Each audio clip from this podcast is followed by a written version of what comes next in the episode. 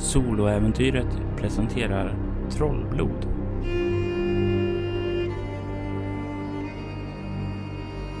Jag är Anna Sandberg från Svartviken rollspelspodd och i detta avsnitt spelar vi Bortom. Jag tar rollen av Hannes Storm, en sjuksköterska som är på väg hem ifrån hjälparbete i Afrika. Efter ett halvår isär från min älskade Marcus ser jag äntligen fram emot att få träffa honom igen. Äntligen är vi redo att tillsammans bilda den familj som vi alltid pratade om. Jag har sett fram emot den här stunden så länge. Marcus, du har mitt hjärta. Alltid och för evigt. Välkommen till Stormhjärta. Med en brinnande smärta i handen så ser du kråkpojken göra en gest åt dig. En gest bort från lägret och sen så tar han de första stegen själv iväg. Jag följer efter. Du tar de första stegen så hör du den här gamla mannen, Karl Petter, harkla sig. Skulle ni kunna göra mig en eh, sista tjänst? Jag sätter huvudet på sned. Han tar och sträcker ned sin hand i sin väska och plockar upp en gammal Ja, det ser ut att vara en gång i tiden var en rejäl gren som har blivit en vackert snidad trästatyett. Om ni passerar förbi Moas grav kan du lämna denna vid den. Jag tror inte jag har möjlighet att komma förbi där igen. Jag eh, nickar och tar statyetten. Och när du tar statyetten så kan du se det här vackra träsnidade hantverket. Men det är inte konstigt och det är inte vad som får dig att slå ett omskakande egoskräckslag. Utan det är det detaljerade ansiktet på Moa Bergström. Samma Moa Bergström som du mötte på planet på väg hit. Uh, sex. Jag lyckas inte. Du får en bestående förlust i ego när du liksom stirrar ner på den där och känner, känner det här obehaget. Den eh, kalla kåren som går över den när du ser ansiktet. Och jag eh, stannar till. Men jag träffade henne. Hon var på flyget till Umeå. Hon är ju läkare. Har hon en... Fick ni några barn? Du kan se hur hans ögon spärras upp när du säger det. Nej, nej, jag såg vråkkungen döda henne. Men, men... Hur, hur, hur... Nej, det måste vara... Det måste vara... Det måste vara vråkkungen. Vråkungen som försöker lura dig. Det kan inte vara hon, det kan inte vara hon. Hon... Hon var där i trakten. Hon var inte därifrån, hon var från Örebro. Hon... Hon var där för att leta för efter släkten från sin mors sida. Den Moa Bergström som jag träffade var också från Örebro. Hon var... Hon jobbade inom sjukvården och åkte på konferenser. Hon skulle till Umeå nu. Oh, nej, nej. Hon, hon, var, hon var där. Hon, hon hjälpte att föda Abrahams far. Men eh, vråkungen kunde ta andras skepnader. Ja, det måste vara så. Det måste vara så. Han måste, måste försöka lura. Men, men hur kan han veta det? Du kan se hur han, han, han blir allt mer och mer uppstressad när han ser det. Och du kan så plötsligt se till att han liksom ögon stilla till och hela kroppen stelnar till. Och du har mer än fyra i medicin. Fem. Du kan se hur hela hans kropp stelnar till och han liksom är på väg att säga någonting och sen så faller han bara ihop bakåt och du kan se att ja, den här mannen, den gamla mannen verkar vara på väg att få en hjärtattack. Och jag vet ju vad man ska göra eh, vid hjärtattacker. Eh, så jag rusar fram och tar i honom och sen inser jag ju att jag har ingen defibrillator. Vet jag om något annat sätt att... Eh... Du kan ta och slå ett ego-medicin.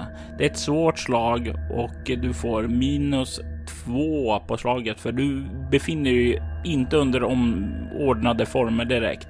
Du befinner dig mitt ute i en skog och många av de här kunskaperna du har Ja, de är eh, utanför ditt, eh, ja, utanför din arsenal av kunnande just nu.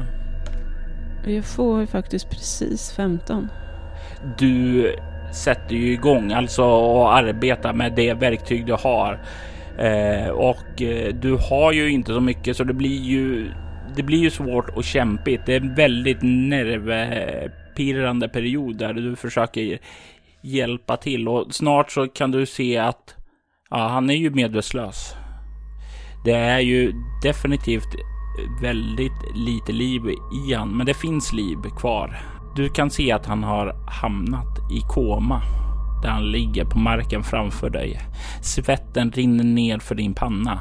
Det är ett mirakel att han överhuvudtaget lever. Men lever, det gör han. Jag eh, bär in honom i hans hydda eh, och eh, ser om han har någon form av säng eller brits att jag kan lägga honom på. Det finns en gammal sån här naturbädd där inne. Men det är det enda.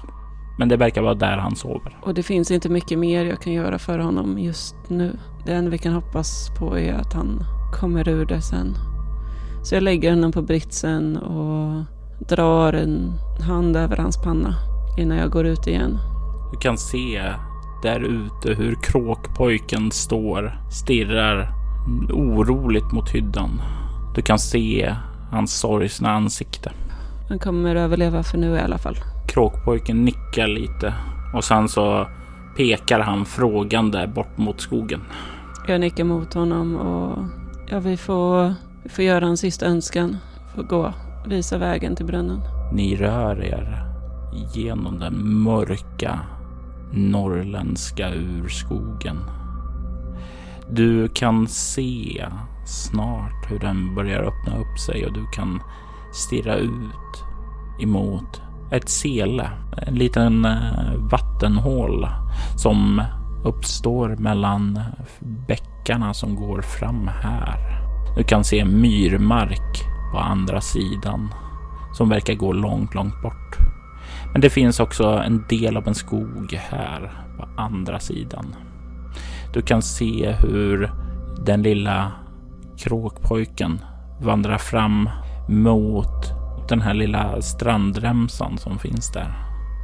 Fast att säga strandremsa är väl kanske fel ord eftersom det är nästan myrmark som eh, övergår till det här lilla vattendraget.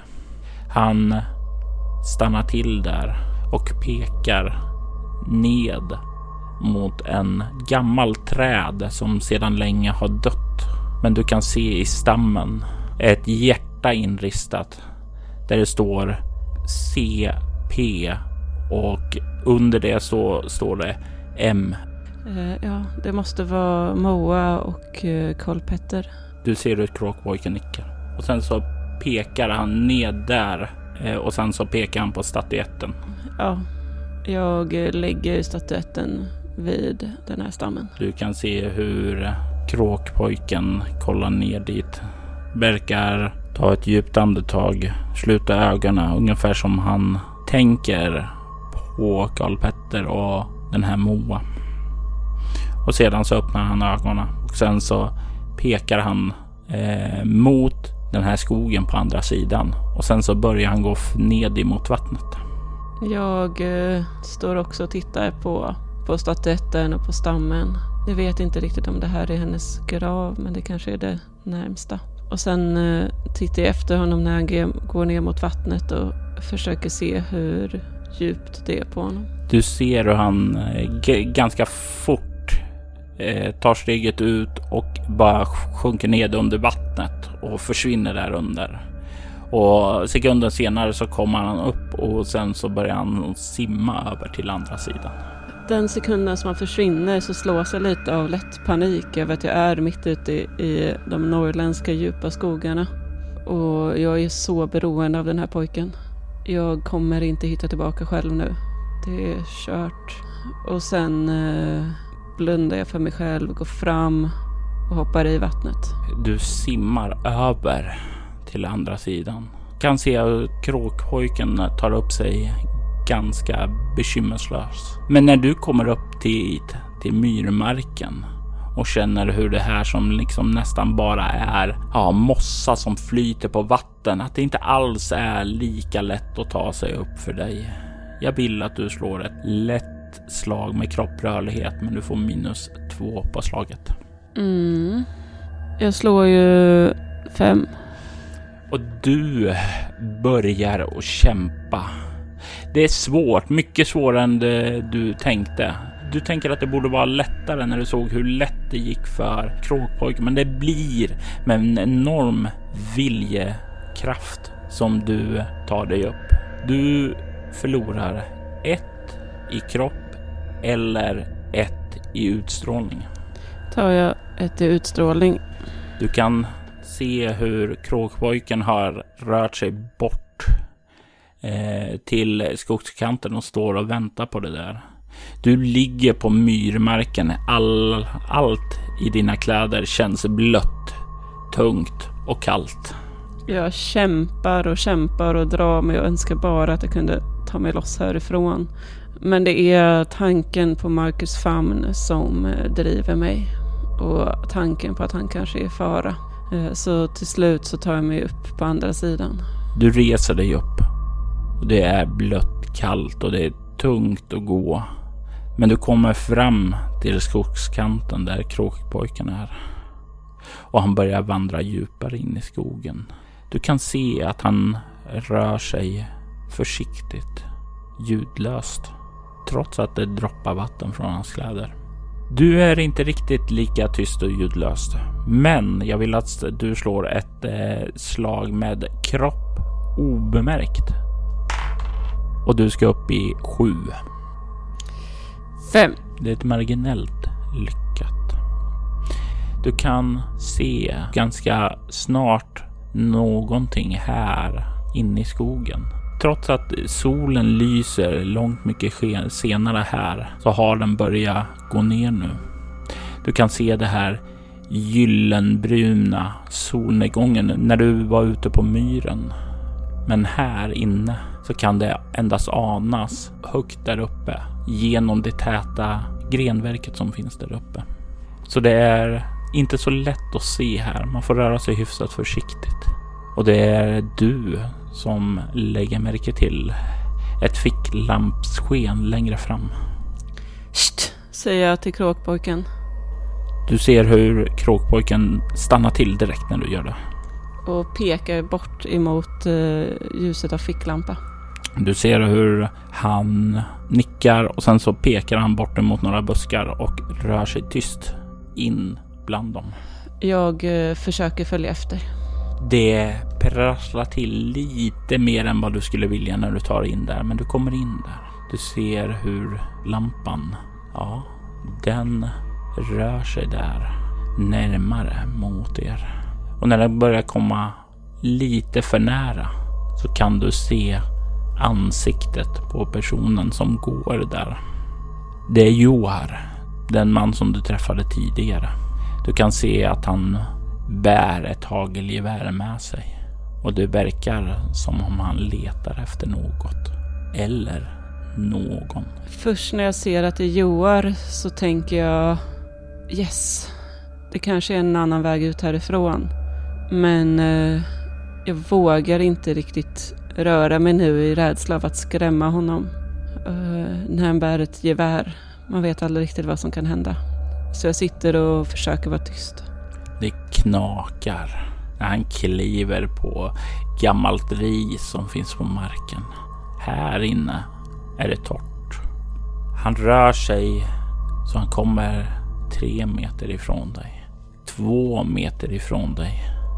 En meter ifrån dig. Två meter ifrån dig. Tre meter ifrån dig. Fyra meter ifrån dig. Och snart så börjar han komma längre och längre bort. Och jag velar i huvudet hela tiden om jag ska, ska säga till honom att eh, här är jag och ta mig ur den här konstiga situationen eller, eller om det är som de sa, att det kanske är vråkkungen som tagit hans skepnad. Och jag tror att jag velar så pass länge så att han hinner komma fram och komma tillbaka innan jag hinner göra någonting. Och han försvinner sedan iväg ur ditt synfält. Du kan höra avlägsna steg långt borta. Och du kan se hur kråkpojken reser sig och verkar vinka åt dig att följa med honom. Jag följer med. Du ser hur eh, kråkpojken tar det första steget för att röra sig ur grenverket.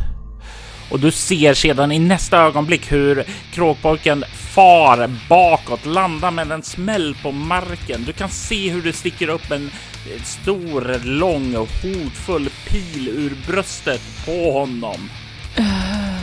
Jag skriker till. Du kan höra en kvinnoröst som ropar Far, jag ser dem! Sen så hör du, vad heter det, ett vinande ljud härnäst som är på väg tillbaka mot er. Vad gör du? Duckar. Du kastar ned då från sidan och du ser hur andra pilen sätter sig i kråkpojken där. Du kan ana nu längre bort att det verkar vara en eh, tonårskvinna med beväpnad med ja, en typ av stor jaktbåge. Hon är klädd i ordentliga vildmarkskläder, men den som eh, hänger uppe och du kan se att hon verkar ha någon typ av bandtröja eller hårdrockströja eller liknande under det. Det verkar vara hon som skjuter på er. Och när hon säger här är de så betyder det uppenbarligen att uh, de faktiskt är ute efter att döda oss. Den insikten är nog för att du ska få slå ett chockartat skräckslag med kropp. Tre. Och du får två skräcknivåer till. Och då går jag upp i de uh, tre nivåerna chock, galenskap eller stress. Och var placerar du dem? stress. Du är det jagade villebrådet ute i vildmarken. Du ser hur kråkpojken har två pilar genomborrar sig. Ett i bröstet och det andra verkar sitta i sidan av magen. Jag eh, ser han ut att leva fortfarande? Det, pojken verkar inte röra på sig. Jag eh, springer. Och jag vill att du slår antingen kropp, rörlighet eller kropp, överlevnad. Lätt slag. Jag slår kropp överlevnad och jag får 10. Du börjar svinga bortåt. Du hör en pil vinna förbi dig. Du kan höra fotsteg komma springande bort ifrån dit som Joar var på väg. Men det högsta ljudet av dem alla är den kakafoni av kråkor som börjar att eh, höras över hela trakten. Eh, du, det känns som om traktens alla kråkor vaknar ur sin slummer. Hur de börjar närma sig, ta sig hitåt. Slå ett ego överlevnad. Lätt slag.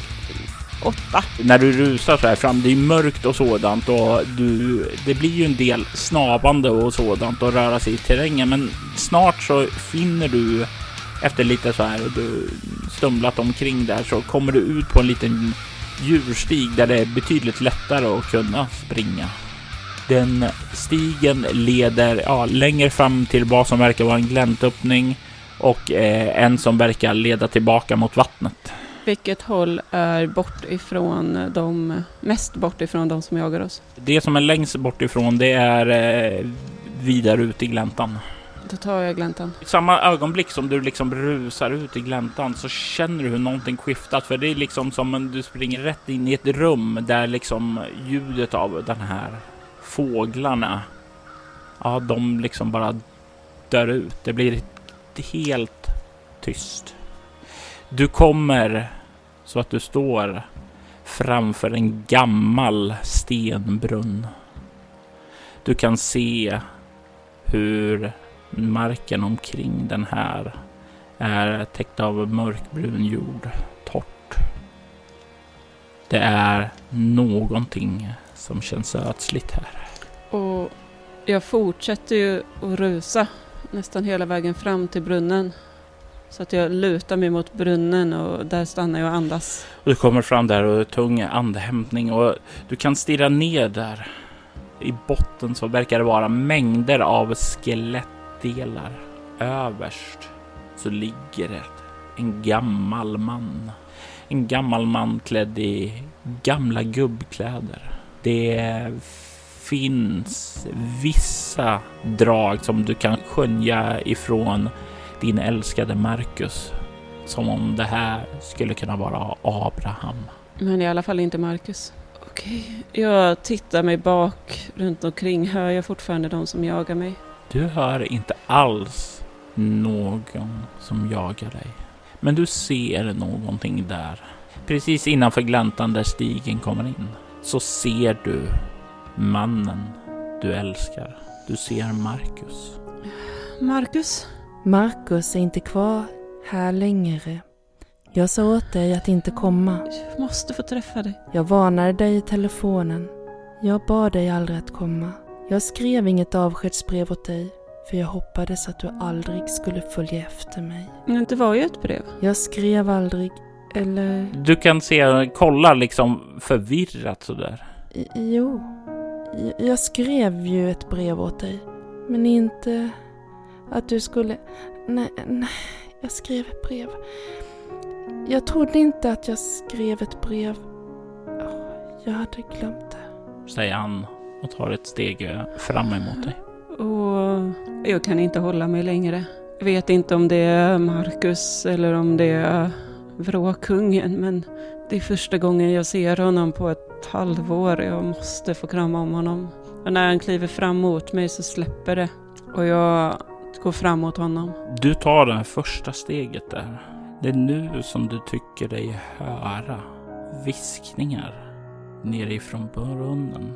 Viskningar från folk som inte är där. Ett eko av det förflutna. Och det är särskilt en viskning som du känner igen. Moa Bergström. Men du kan inte höra ett ord vad som sägs här uppifrån. Moas röst får mig att stanna till igen. Och jag backar tillbaka lite mot bron och tittar på Marcus. Är det verkligen du? Jag är ledsen. Det är jag, min älskade. Säger han och fortsätter kliva fram emot dig. Fast du beter dig inte som Marcus. Vad har hänt? Min själ tillhör vråkkungen. Vad vill du? Jag ville att du aldrig skulle komma hit. Jag ville att du skulle vara säker. Jag vill att du ska vara säker. Jag vill, jag vill få dig härifrån. Det går inte att få mig härifrån. Det var vad Abraham försökte göra. Och se hur det gick. Där säger han och pekar mot brunnen. Du hör fortfarande viskningar där nerifrån. Det finns ett sätt, tror jag. Den gamle mannen pratade om brunnen, att man skulle ta sig hit, att det kanske gick att lösa här. Du hör en annan röst. En röst från planet. Du hör herr Vråks röst från andra sidan gläntan. Jag skulle inte lyssna så mycket på Karl Petter om jag var du. Han har blivit gaggig och senil på gamla dagar. Jag eh, vänder mig om och tittar på vråkungen och eh, jag ställer mig beskyddande framför Marcus. Du ser hur herr Vråk står där i sin klanderfria kostym. Och även om den är gammal så är den perfekt skuren för honom. Hans leende är väldigt, väldigt stort. Lite för stort, nästan som om mungiporna har spruckit lite och för att kunna bilda ett större leende. Du kan se hur han justerar hatten noga och verkar släppa den sen med ena handen och stryka den med andra.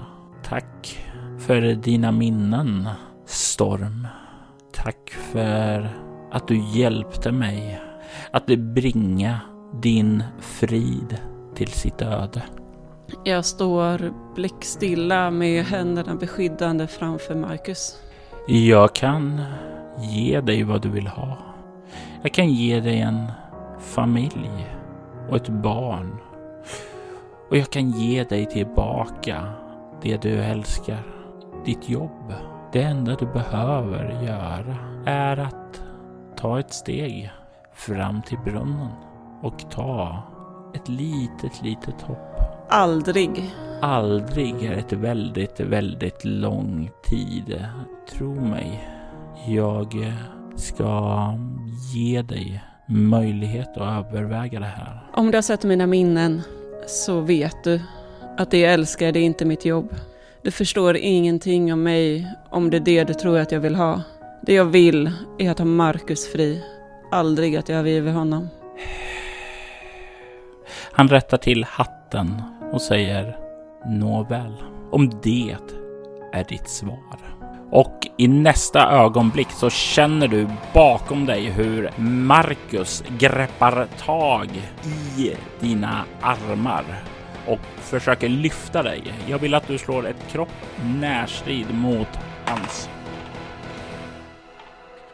Två. Du känner den övernaturliga styrkan som Marcus har.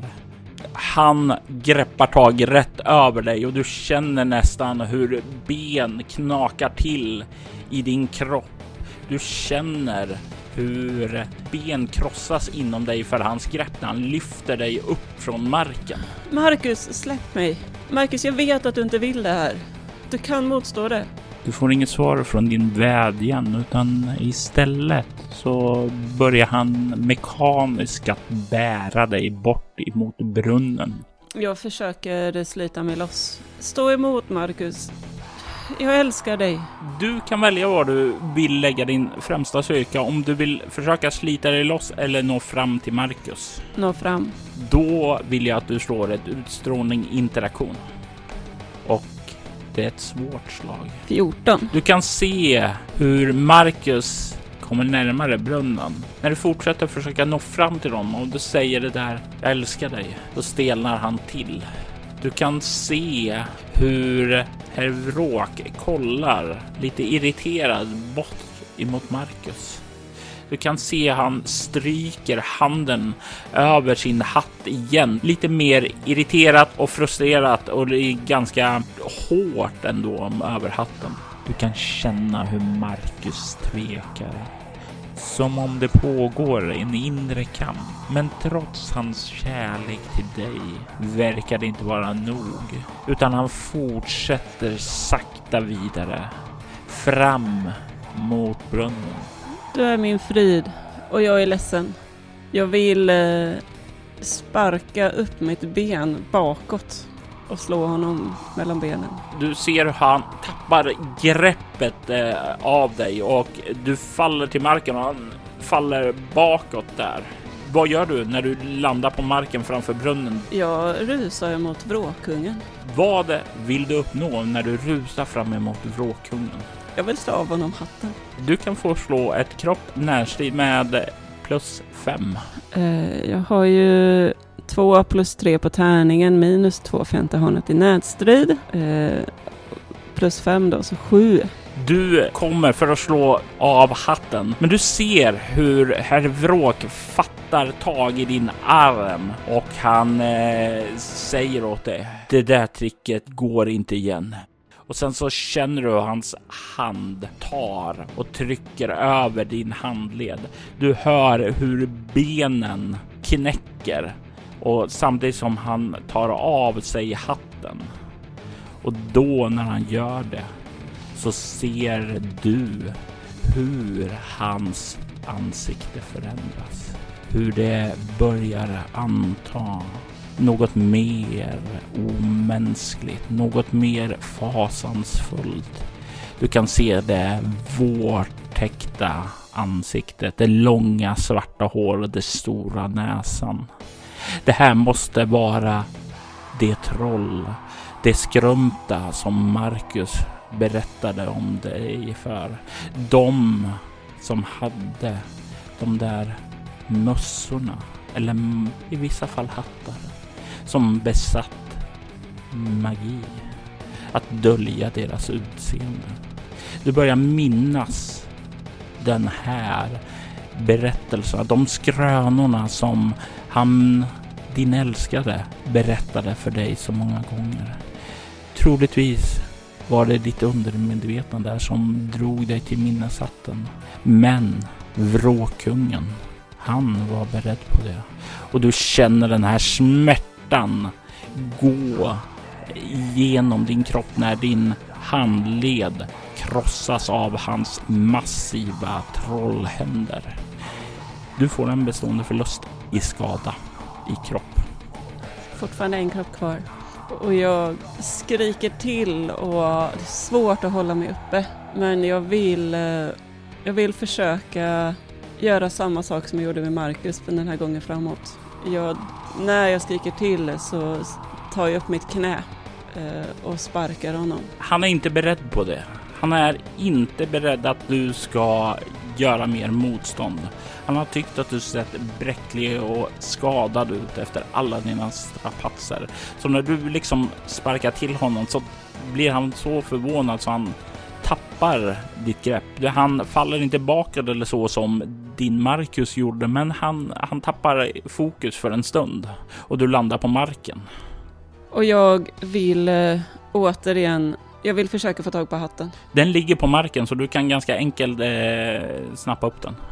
Jag tar den och springer mot brunnen. Du rusar emot brunnen och du hör där bortifrån hur han eh, vrålar. Du kommer fram till brunnen. Jag kastar ner hatten. Du slungar ned hatten mot Grimberg eh, som ligger där nere, mot alla andra döda. Du hör viskande rösterna där nerifrån. Du hör dem alla viska samma sak och du hör orden vrak, vrak, och liksom det här växelklimaxet när hatten faller ned i brunnen och det blir som om den exploderar där nere. Men istället för en sån här stor eldslåger och sådant så kan du se det nästan som en blå energi som slår uppåt där. Den krossar skeletten där nere och du hör ett vrålande ljud ifrån vråkungen bakom dig. Det här ljuset slår rätt upp i trädverken du kan se hur solen som är på väg att gå ned, hur den skiner där in och du hör hur skriket från vråkkungen tystnar. Jag slänger en blick bakåt mot vråkungen. Och du ser den stora statyn av troll som finns där numera. På platsen där herr Vråk tidigare var. Och jag tittar framåt mot Marcus. Och i samma ögonblick som du vänder dig om för att vrida din uppmärksamhet emot Marcus så ser du trädgrenen slå rätt in i ditt ansikte och allting svartnar.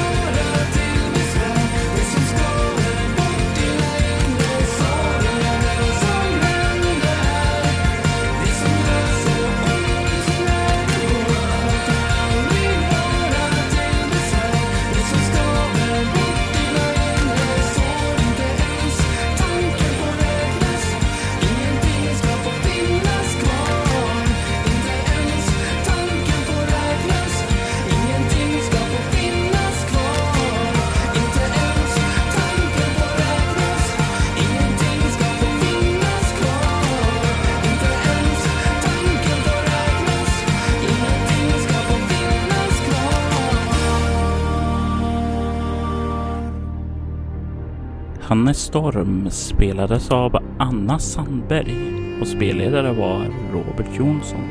Statistroller i detta avsnitt var Maria Rutgård som Marcus Frid. Temat i Trollblod komponerades och framfördes av Andreas Lundström. Övrig musik i detta avsnitt gjordes av Adrian von Ziegler, Marcus Linder och Hallgraf. Hallgraf är ett av skivbolaget Cryo Chambers många fantastiska band. Låten Besvär, inte ens tanken får räknas, var skriven och framförd av Dovan. All musik används med artistens tillåtelse och vi rekommenderar er att ni spanar in länkarna som finns i inlägget till detta avsnitt. Trollblod producerades av Robert Jonsson till rollspelet Bortom. Soläventyret finner du på iTunes, bortom.nu och Facebook. Tack för att du har lyssnat.